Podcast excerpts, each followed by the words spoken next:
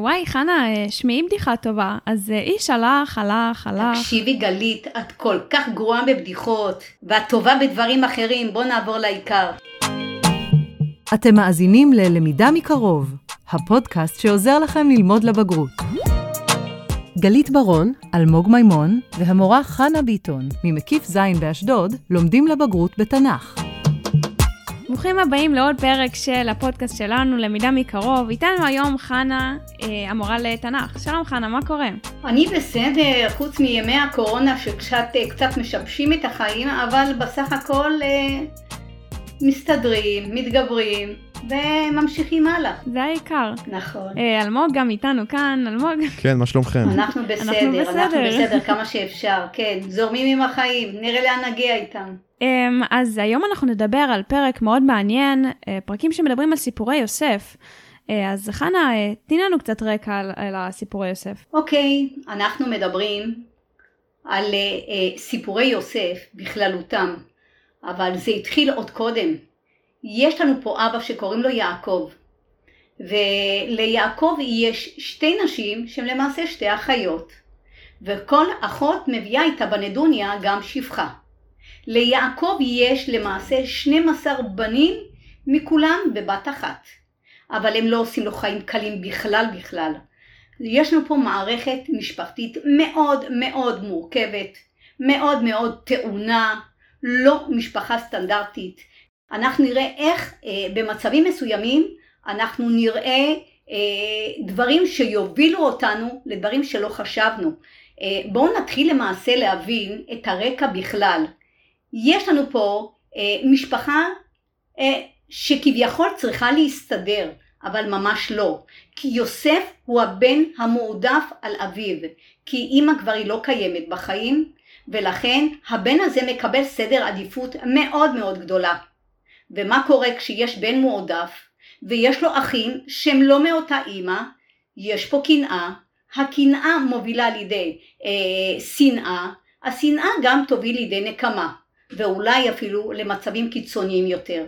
אה, הסיפור הוא מאוד מאוד עלילתי, ויש פה הרבה עליות וירידות בחיים של האבא, בחיים של הבן יוסף במיוחד ובחיים של האחים גם כן יחד. הם יתחילו במשפחה אבל בסוף הסיפור אנחנו נראה כבר משפחה מאוד מורחבת שמהם אנחנו חיים עד עצם היום הזה כעם ישראל. אה, למעשה יש לנו פה בן ששמו יוסף. יוסף בא אל אחיו בגישה מאוד מאוד יומרנית, בגישה מאוד גאוותנית, ואפילו בא אליהם בגישה שהוא חולם חלומות, שכל האחים משתחווים לו, והוא המולך עליהם, הוא השולט עליהם, האחים מקבלים את זה בצורה מאוד מאוד קשה. האבא משום מה לא עוצר את התהליך, ואפילו שותף אליו, ולכן זה יוביל אותנו להרבה אסונות בדרך. אה, סך הכל אנחנו נראה את יוסף כמרכז, כדמות מאוד מרכזית, דמות מאוד צבעונית, דמות מאוד עלילתית.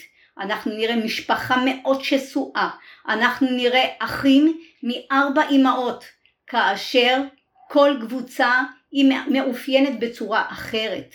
ולכן כל הנושא של סיפורי יוסף לא נקרא רק סיפורי יוסף, כי יוסף הוא מניע את כל העלילה, הכל יהיה סביבו. אז אם נראה את יוסף, נראה למעשה הרבה צרות, נראה הרבה מכשולים בדרך, נראה הרבה דברים שהם לא צפויים, ונגיע לדרך לא דרך. הרבה הפתעות מחכות לנו. אז חנה, אמרת בעצם שזו משפחה אולי לא רגילה, אבל מה, מה מאפיין בעצם את משפחת יעקב? אפשר לקרוא להם משפחה בגבול הנורמה? אה, ממש לא, ממש היא לא משפחה אה, נורמטיבית. אה, המשפחה הזאת היא תעלה בפנינו הרבה שאלות מהותיות, חינוכיות, על יחסים בתוך משפחה. במשפחה הזאת נעשו המון שגיאות טרגיות מצד האב. גם מצד האחים ובמיוחד מצד יוסף, שהתוצאות שלהם יהיו הרות אסון לכולנו, לכולם, מהתפקוד הלקוי של המשפחה הזאת שהיא לפנינו. ואפשר ללמוד מדרך השלילה, ממה שהם לא עשו טוב, אפשר להסיק מכאן מהי משפחה רגילה. אם כן, זוהי משפחה מאוד לא רגילה, על דרך השלילה. דיברת על אה, טעויות ושגיאות, ואיזה טעות יכול היה לעשות האבא? אה, אנחנו ראינו שהאבא עצמו הוא, הוא טעה בכמה דברים מאוד מאוד חשובים. הוא פשוט קודם כל העצים את האפליה של אה, יוסף מול האחים, העצים אותו, תפר לו כותונת פסים, הוא לא יצא לעבוד בשדה, כאשר כל האחים יוצאים לעבוד בשדה, כולם מקבלים את הכותונת הפשוטה, הרגילה, ויוסף הוא הבן המועדף. אה, ברגע שאבא שיוצר אפליה בתוך האחים, הוא כבר מביא לידי שנאה ביניהם, הוא כבר מביא לידי קרע ביניהם, לידי אפילו מצבים שיובילו לנקמה ביניהם. אה, למעשה האבא היה מאוד שותף לכל מה שקרה פה, לכל הטעויות, לכל האסונות שיהיו, למעשה האבא היה מאוד מאוד שותף. הוא לא עצר את זה בזמן, הוא אפילו ליבה את זה אפילו. אם ככה, אז בעצם, מה הטעויות שעשה יוסף? למה, למה הוא גם היה לא בסדר? נכון שיוסף, הוא שילם את המחיר על הבן, היותו הבן המועדף במשפחה. אה, אנחנו ראינו אה, קווי אופי אצלו. יש לו קווי אופי שם של שליטה, של להיות כל הזמן מעל, של אה, להראות את זה בצורה הפגנתית. ויבא דיבתם רעה אל אביהם, הוא היה מלשין בתוך המשפחה, הוא, הוא כל הזמן היה קורא לאחים שהוא חלם חלום וכולם משתחווים לו והוא המולך עליהם והוא השולט עליהם, דבר שכל הזמן הוא העצים את זה, הוא אפילו לא מכבודו לצאת לעבוד בשדה בשמש או בקור או בחום, הוא כל הזמן היה ליד אביו בבית, זה דבר שמאוד מאוד הרגיז את האחים. אז אה, אולי נשאל אתכם שאלה, תגידו לי אתם, יוסף הוא היה בן מועדף, ותראו לאן הוא הגיע. מה, מה דעתכם? האם באמת כדאי להיות בן מועדף בתוך משפחה? כן, לא, מה נראה לכם? זה, זה תלוי, יש לזה את היתרונות של זה, אבל גם יש את החסרונות, כמו שאנחנו רואים אולי פה, אה, שהאחים דווקא לא ממש אהבו את זה. כן, אה, אחרי אה, סיפורי יוסף קצת אה, לא כל כך בא לי להיות בת מועדפת. כן, אה? תקשיבו, אה, כל, אה, גם כשאנחנו מדברים על בן בכור, יש לו את היתרונות וחסרונות, גם כשמדברים על ילד קטן במשפחה יש יתרונות וחסרונות, וגם כשיש בן מועדף יש יתרונות וחסרונות. רק השאלה מה המינון של הדברים האלה. ברגע שיש מינון, ברגע שהדברים האלה נעשים בסתר, יכול להיות שאבא יכול לפרגן לו בדרך אחרת.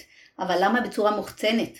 למה לעשות את זה לעיני כולם? ברגע שהדברים נעשים בצורה חיצונית לעיני כולם, אז הדברים האלה מביאים ממש לידי כעס.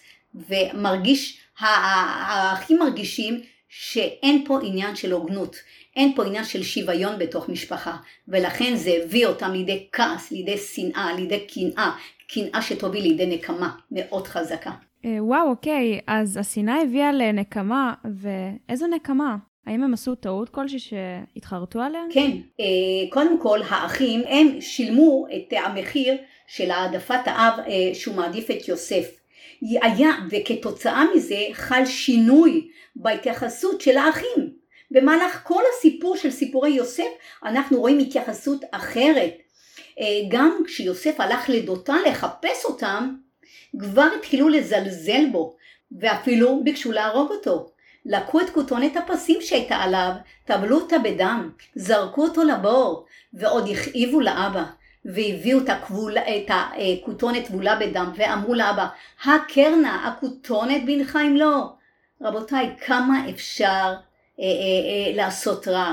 זה כל זה נבע מתוך יצר של נקמנות. האבא פרגן, האבא העדיף, האבא נתן ליוסף, האחים עושים את זה בצורה קיצונית אבל בדרך השלילה.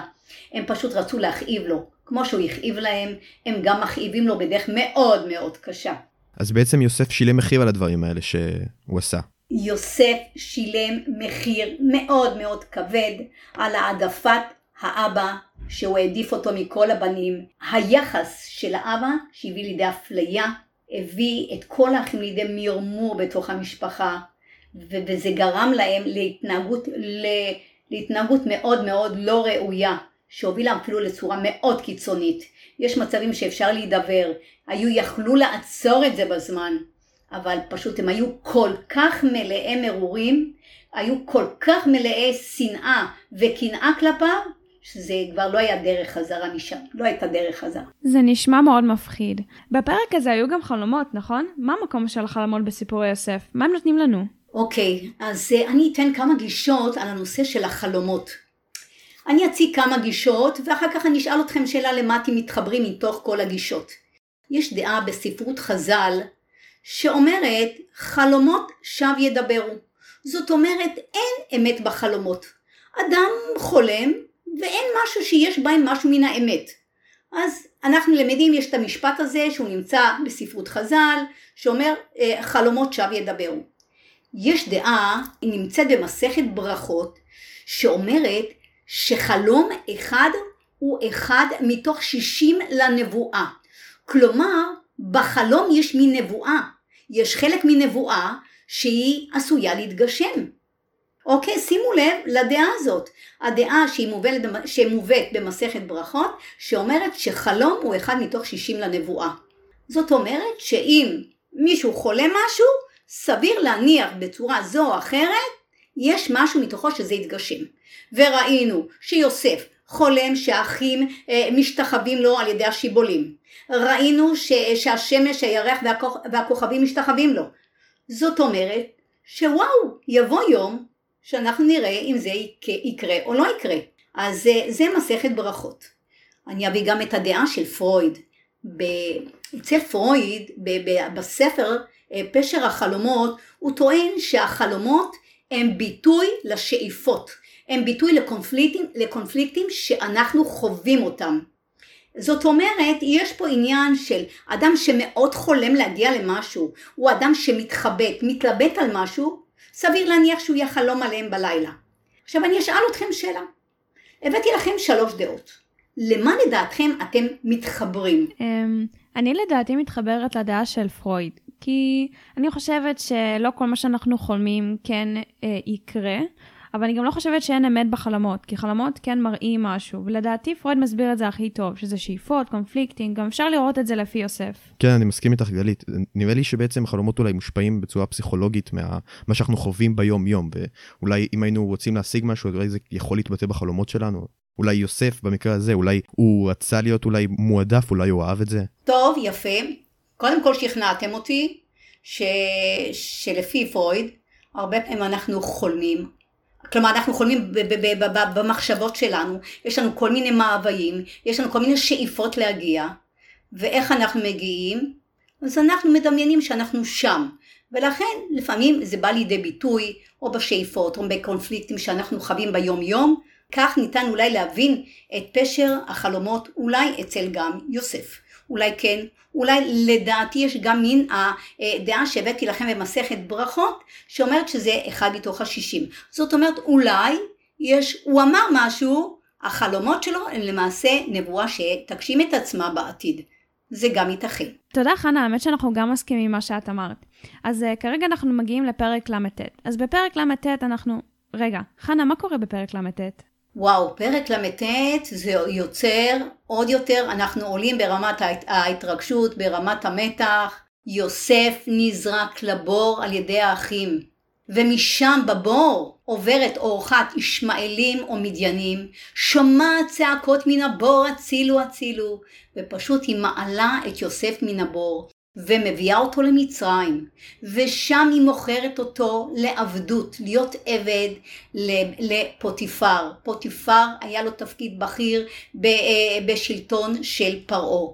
בוא נזכור שמצרים של אז הייתה אימפריה מאוד מאוד חזקה, ולהגיע אה, לעבוד בבית של אה, מישהו שיש לו תפקיד בכיר בממשלת מצרים, זה כבר משהו.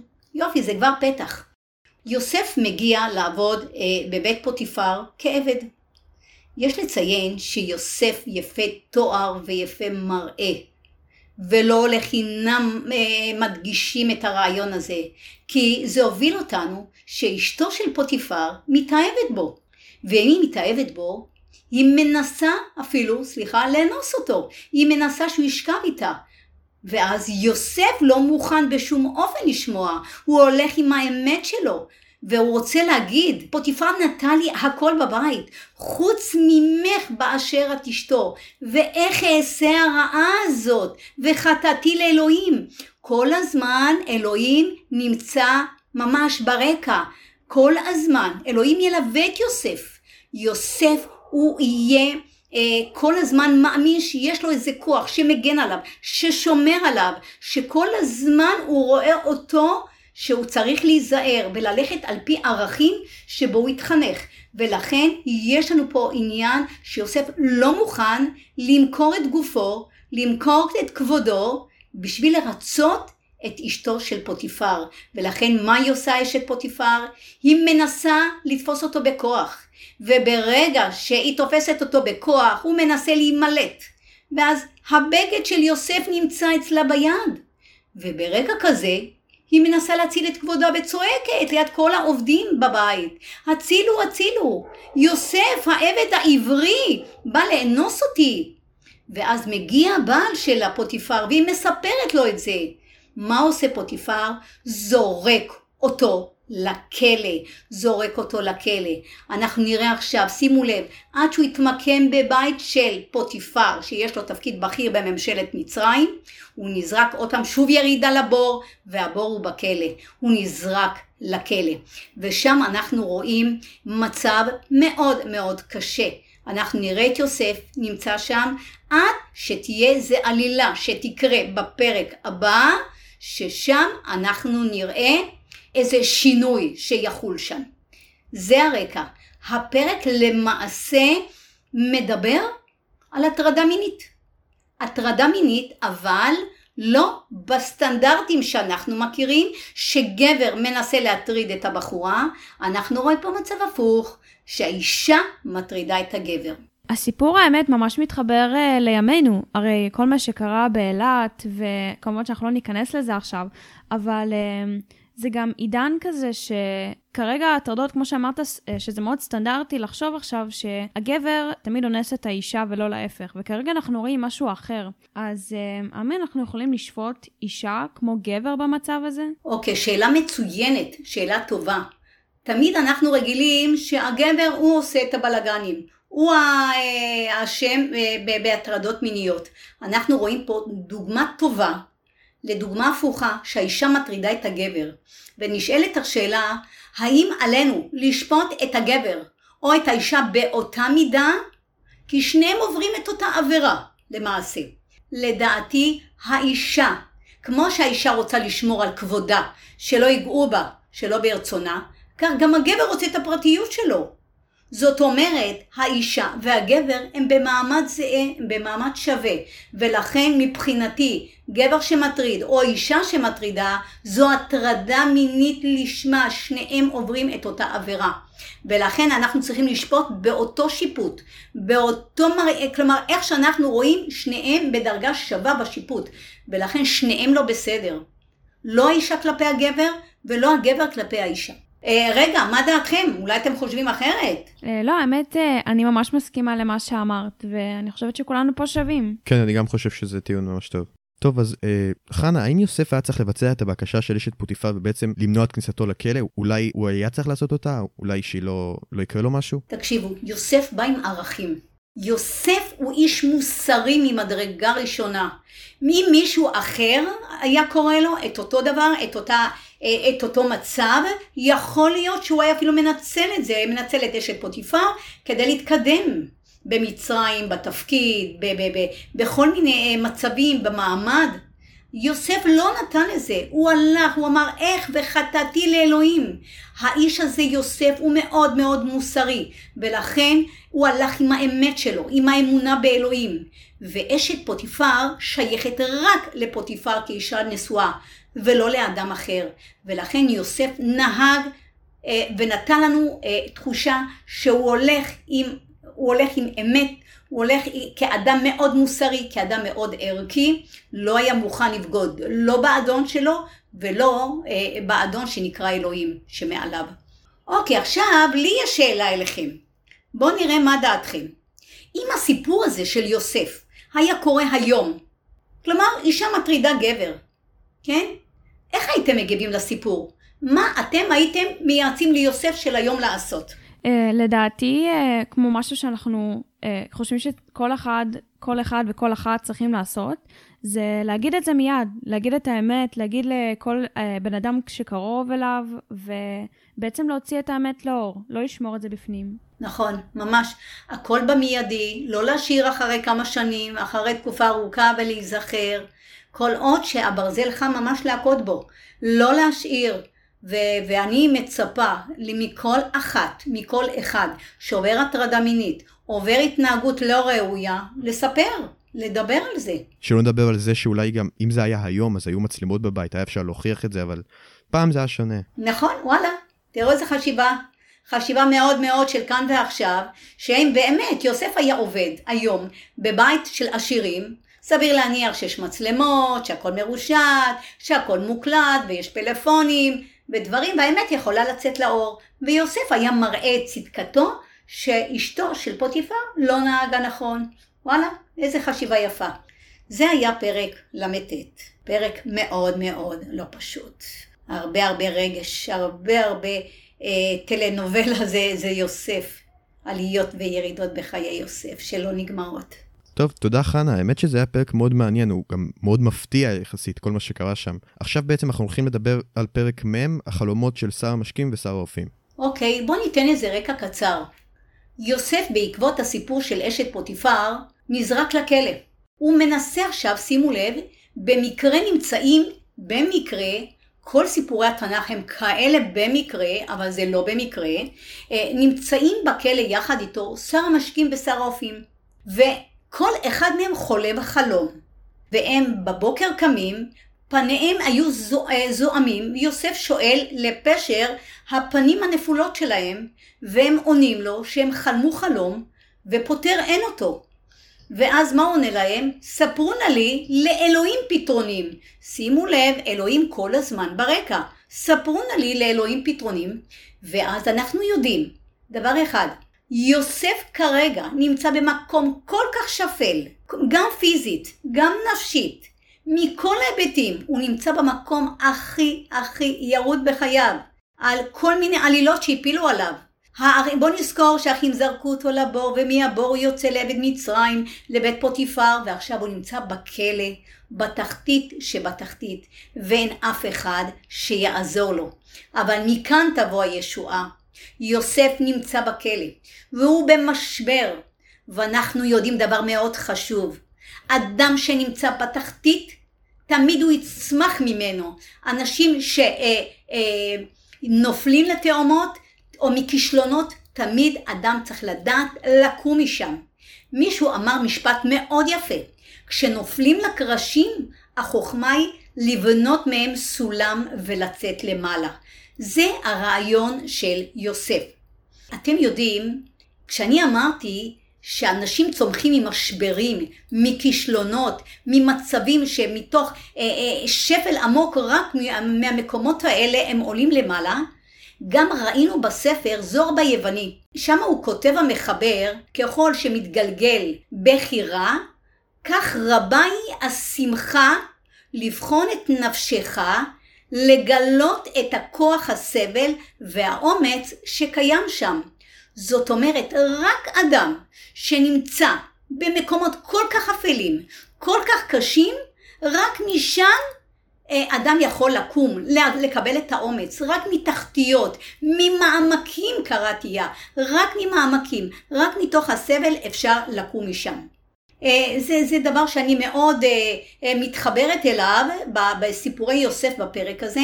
מה דעתכם על הקטע הזה? מה, מה אתם חושבים? וואו, זה משפט ממש יפה וגם עוצמתי. איך את בעצם מקשרת את המשפט הזה למציאות של יוסף בכלא? אוקיי, אני רוצה לומר שבכלא, אמנם הוא היה במקום מאוד שפל, אבל ברגע שהוא יפתור את החלומות של שר המשקים ושר האופים, ואפילו שר המשקים ישכח אותו לימים וייזכר בו, ויוציא אותו מן הכלא לפתור את החלומות של מלך מצרים בהמשך, שם תהיה הדרך סלולה להיות משנה למלך מצרים. זה המקום שבו היה בתחתית, זה המקום שיוביל אותו להיות בעלייה. זה הסולם. יוסף חכם לקח את הקרשים ובנה מהם סולם לצאת מן הכלא, על ידי שהוא יפתור את החלומות למלך מצרים, מלך של אימפריה באותה תקופה, ושם הוא ישאף, ושם הוא יגיע להיות עד לדרגה של משנה למלך מצרים. וואו, חנה, כל הסיפורים האלה מאוד מרתקים. כל סיפורי יוסף שכרגע, אה, עד עכשיו, מה שאנחנו שמענו ממך, אנחנו חושבים ש... אה, שיש פה בן אדם ערכי, מוסרי, שאלוהים גם היה לצידו כל הזמן הזה, זה רק מראה עד כמה עוצמתי וחזק אה, יוסף, ואנחנו באמת חושבים שהסיפורים האלה אה, מאוד מפתחים את הבן אדם. גם פרקים נוספים מחכים לנו בסיפורי יוסף, וזה לא הכל. ועוד נשמע בשורות טובות שיוסף יגשים חלומות, גם אישיים וגם של האומה. כן, בעצם כל סיפורי יוסף, כל העליות והירידות בחיים שלו, יובילו אותנו בשביל לתת למשפחת יעקב ובניו להתקיים בתקופת הרעב, ומשם בעצם לצמוח ולהפוך לעם, ובעצם העם הזה הוא אנחנו. ודעו לכם, המוטו העיקרי לאורך כל סיפורי יוסף הוא השגחה האלוהית. ואם נדע, הפסוק שכל הזמן חוזר בסיפורי יוסף, הביטוי כי אלוהים שלחני אליכם, הוא חוזר הרבה פעמים. אנחנו רואים פה השגחה אלוהית על יוסף. אנחנו רוצים לראות סוף טוב בסיפורי יוסף. יוסף הוא יהיה חוליה מקשרת מאוד חשובה בחיי העם שלנו. Uh, וואו, אוקיי, אז uh, הנה הגענו לסיומו של uh, הפרק של היום. תודה רבה, חנה. Uh, גם אם כבר הסיום, אז uh, זוכרים את הבדיחה, אז uh, רציתי לספר שהבן אדם... גלית, פה תעצרי עם הבדיחות שלך, אמרנו שנשמור אותם למקומות טובים יותר, אנחנו עכשיו רציניים בסיפורי יוסף. כן, גלית, עזבי, הבדיחה לא... תמו ולא נשלמו סיפורי יוסף. נמשיך בפעם הבאה את המשך העלילות שיובילו אותנו בעצם להתרגשות יתרה בזמן שיוסף והאחים יתוודעו זה לזה. בפרק הזה השתמשנו בספר תנ"ך זמן לבגרות שכתבה פלורה ויניצקי.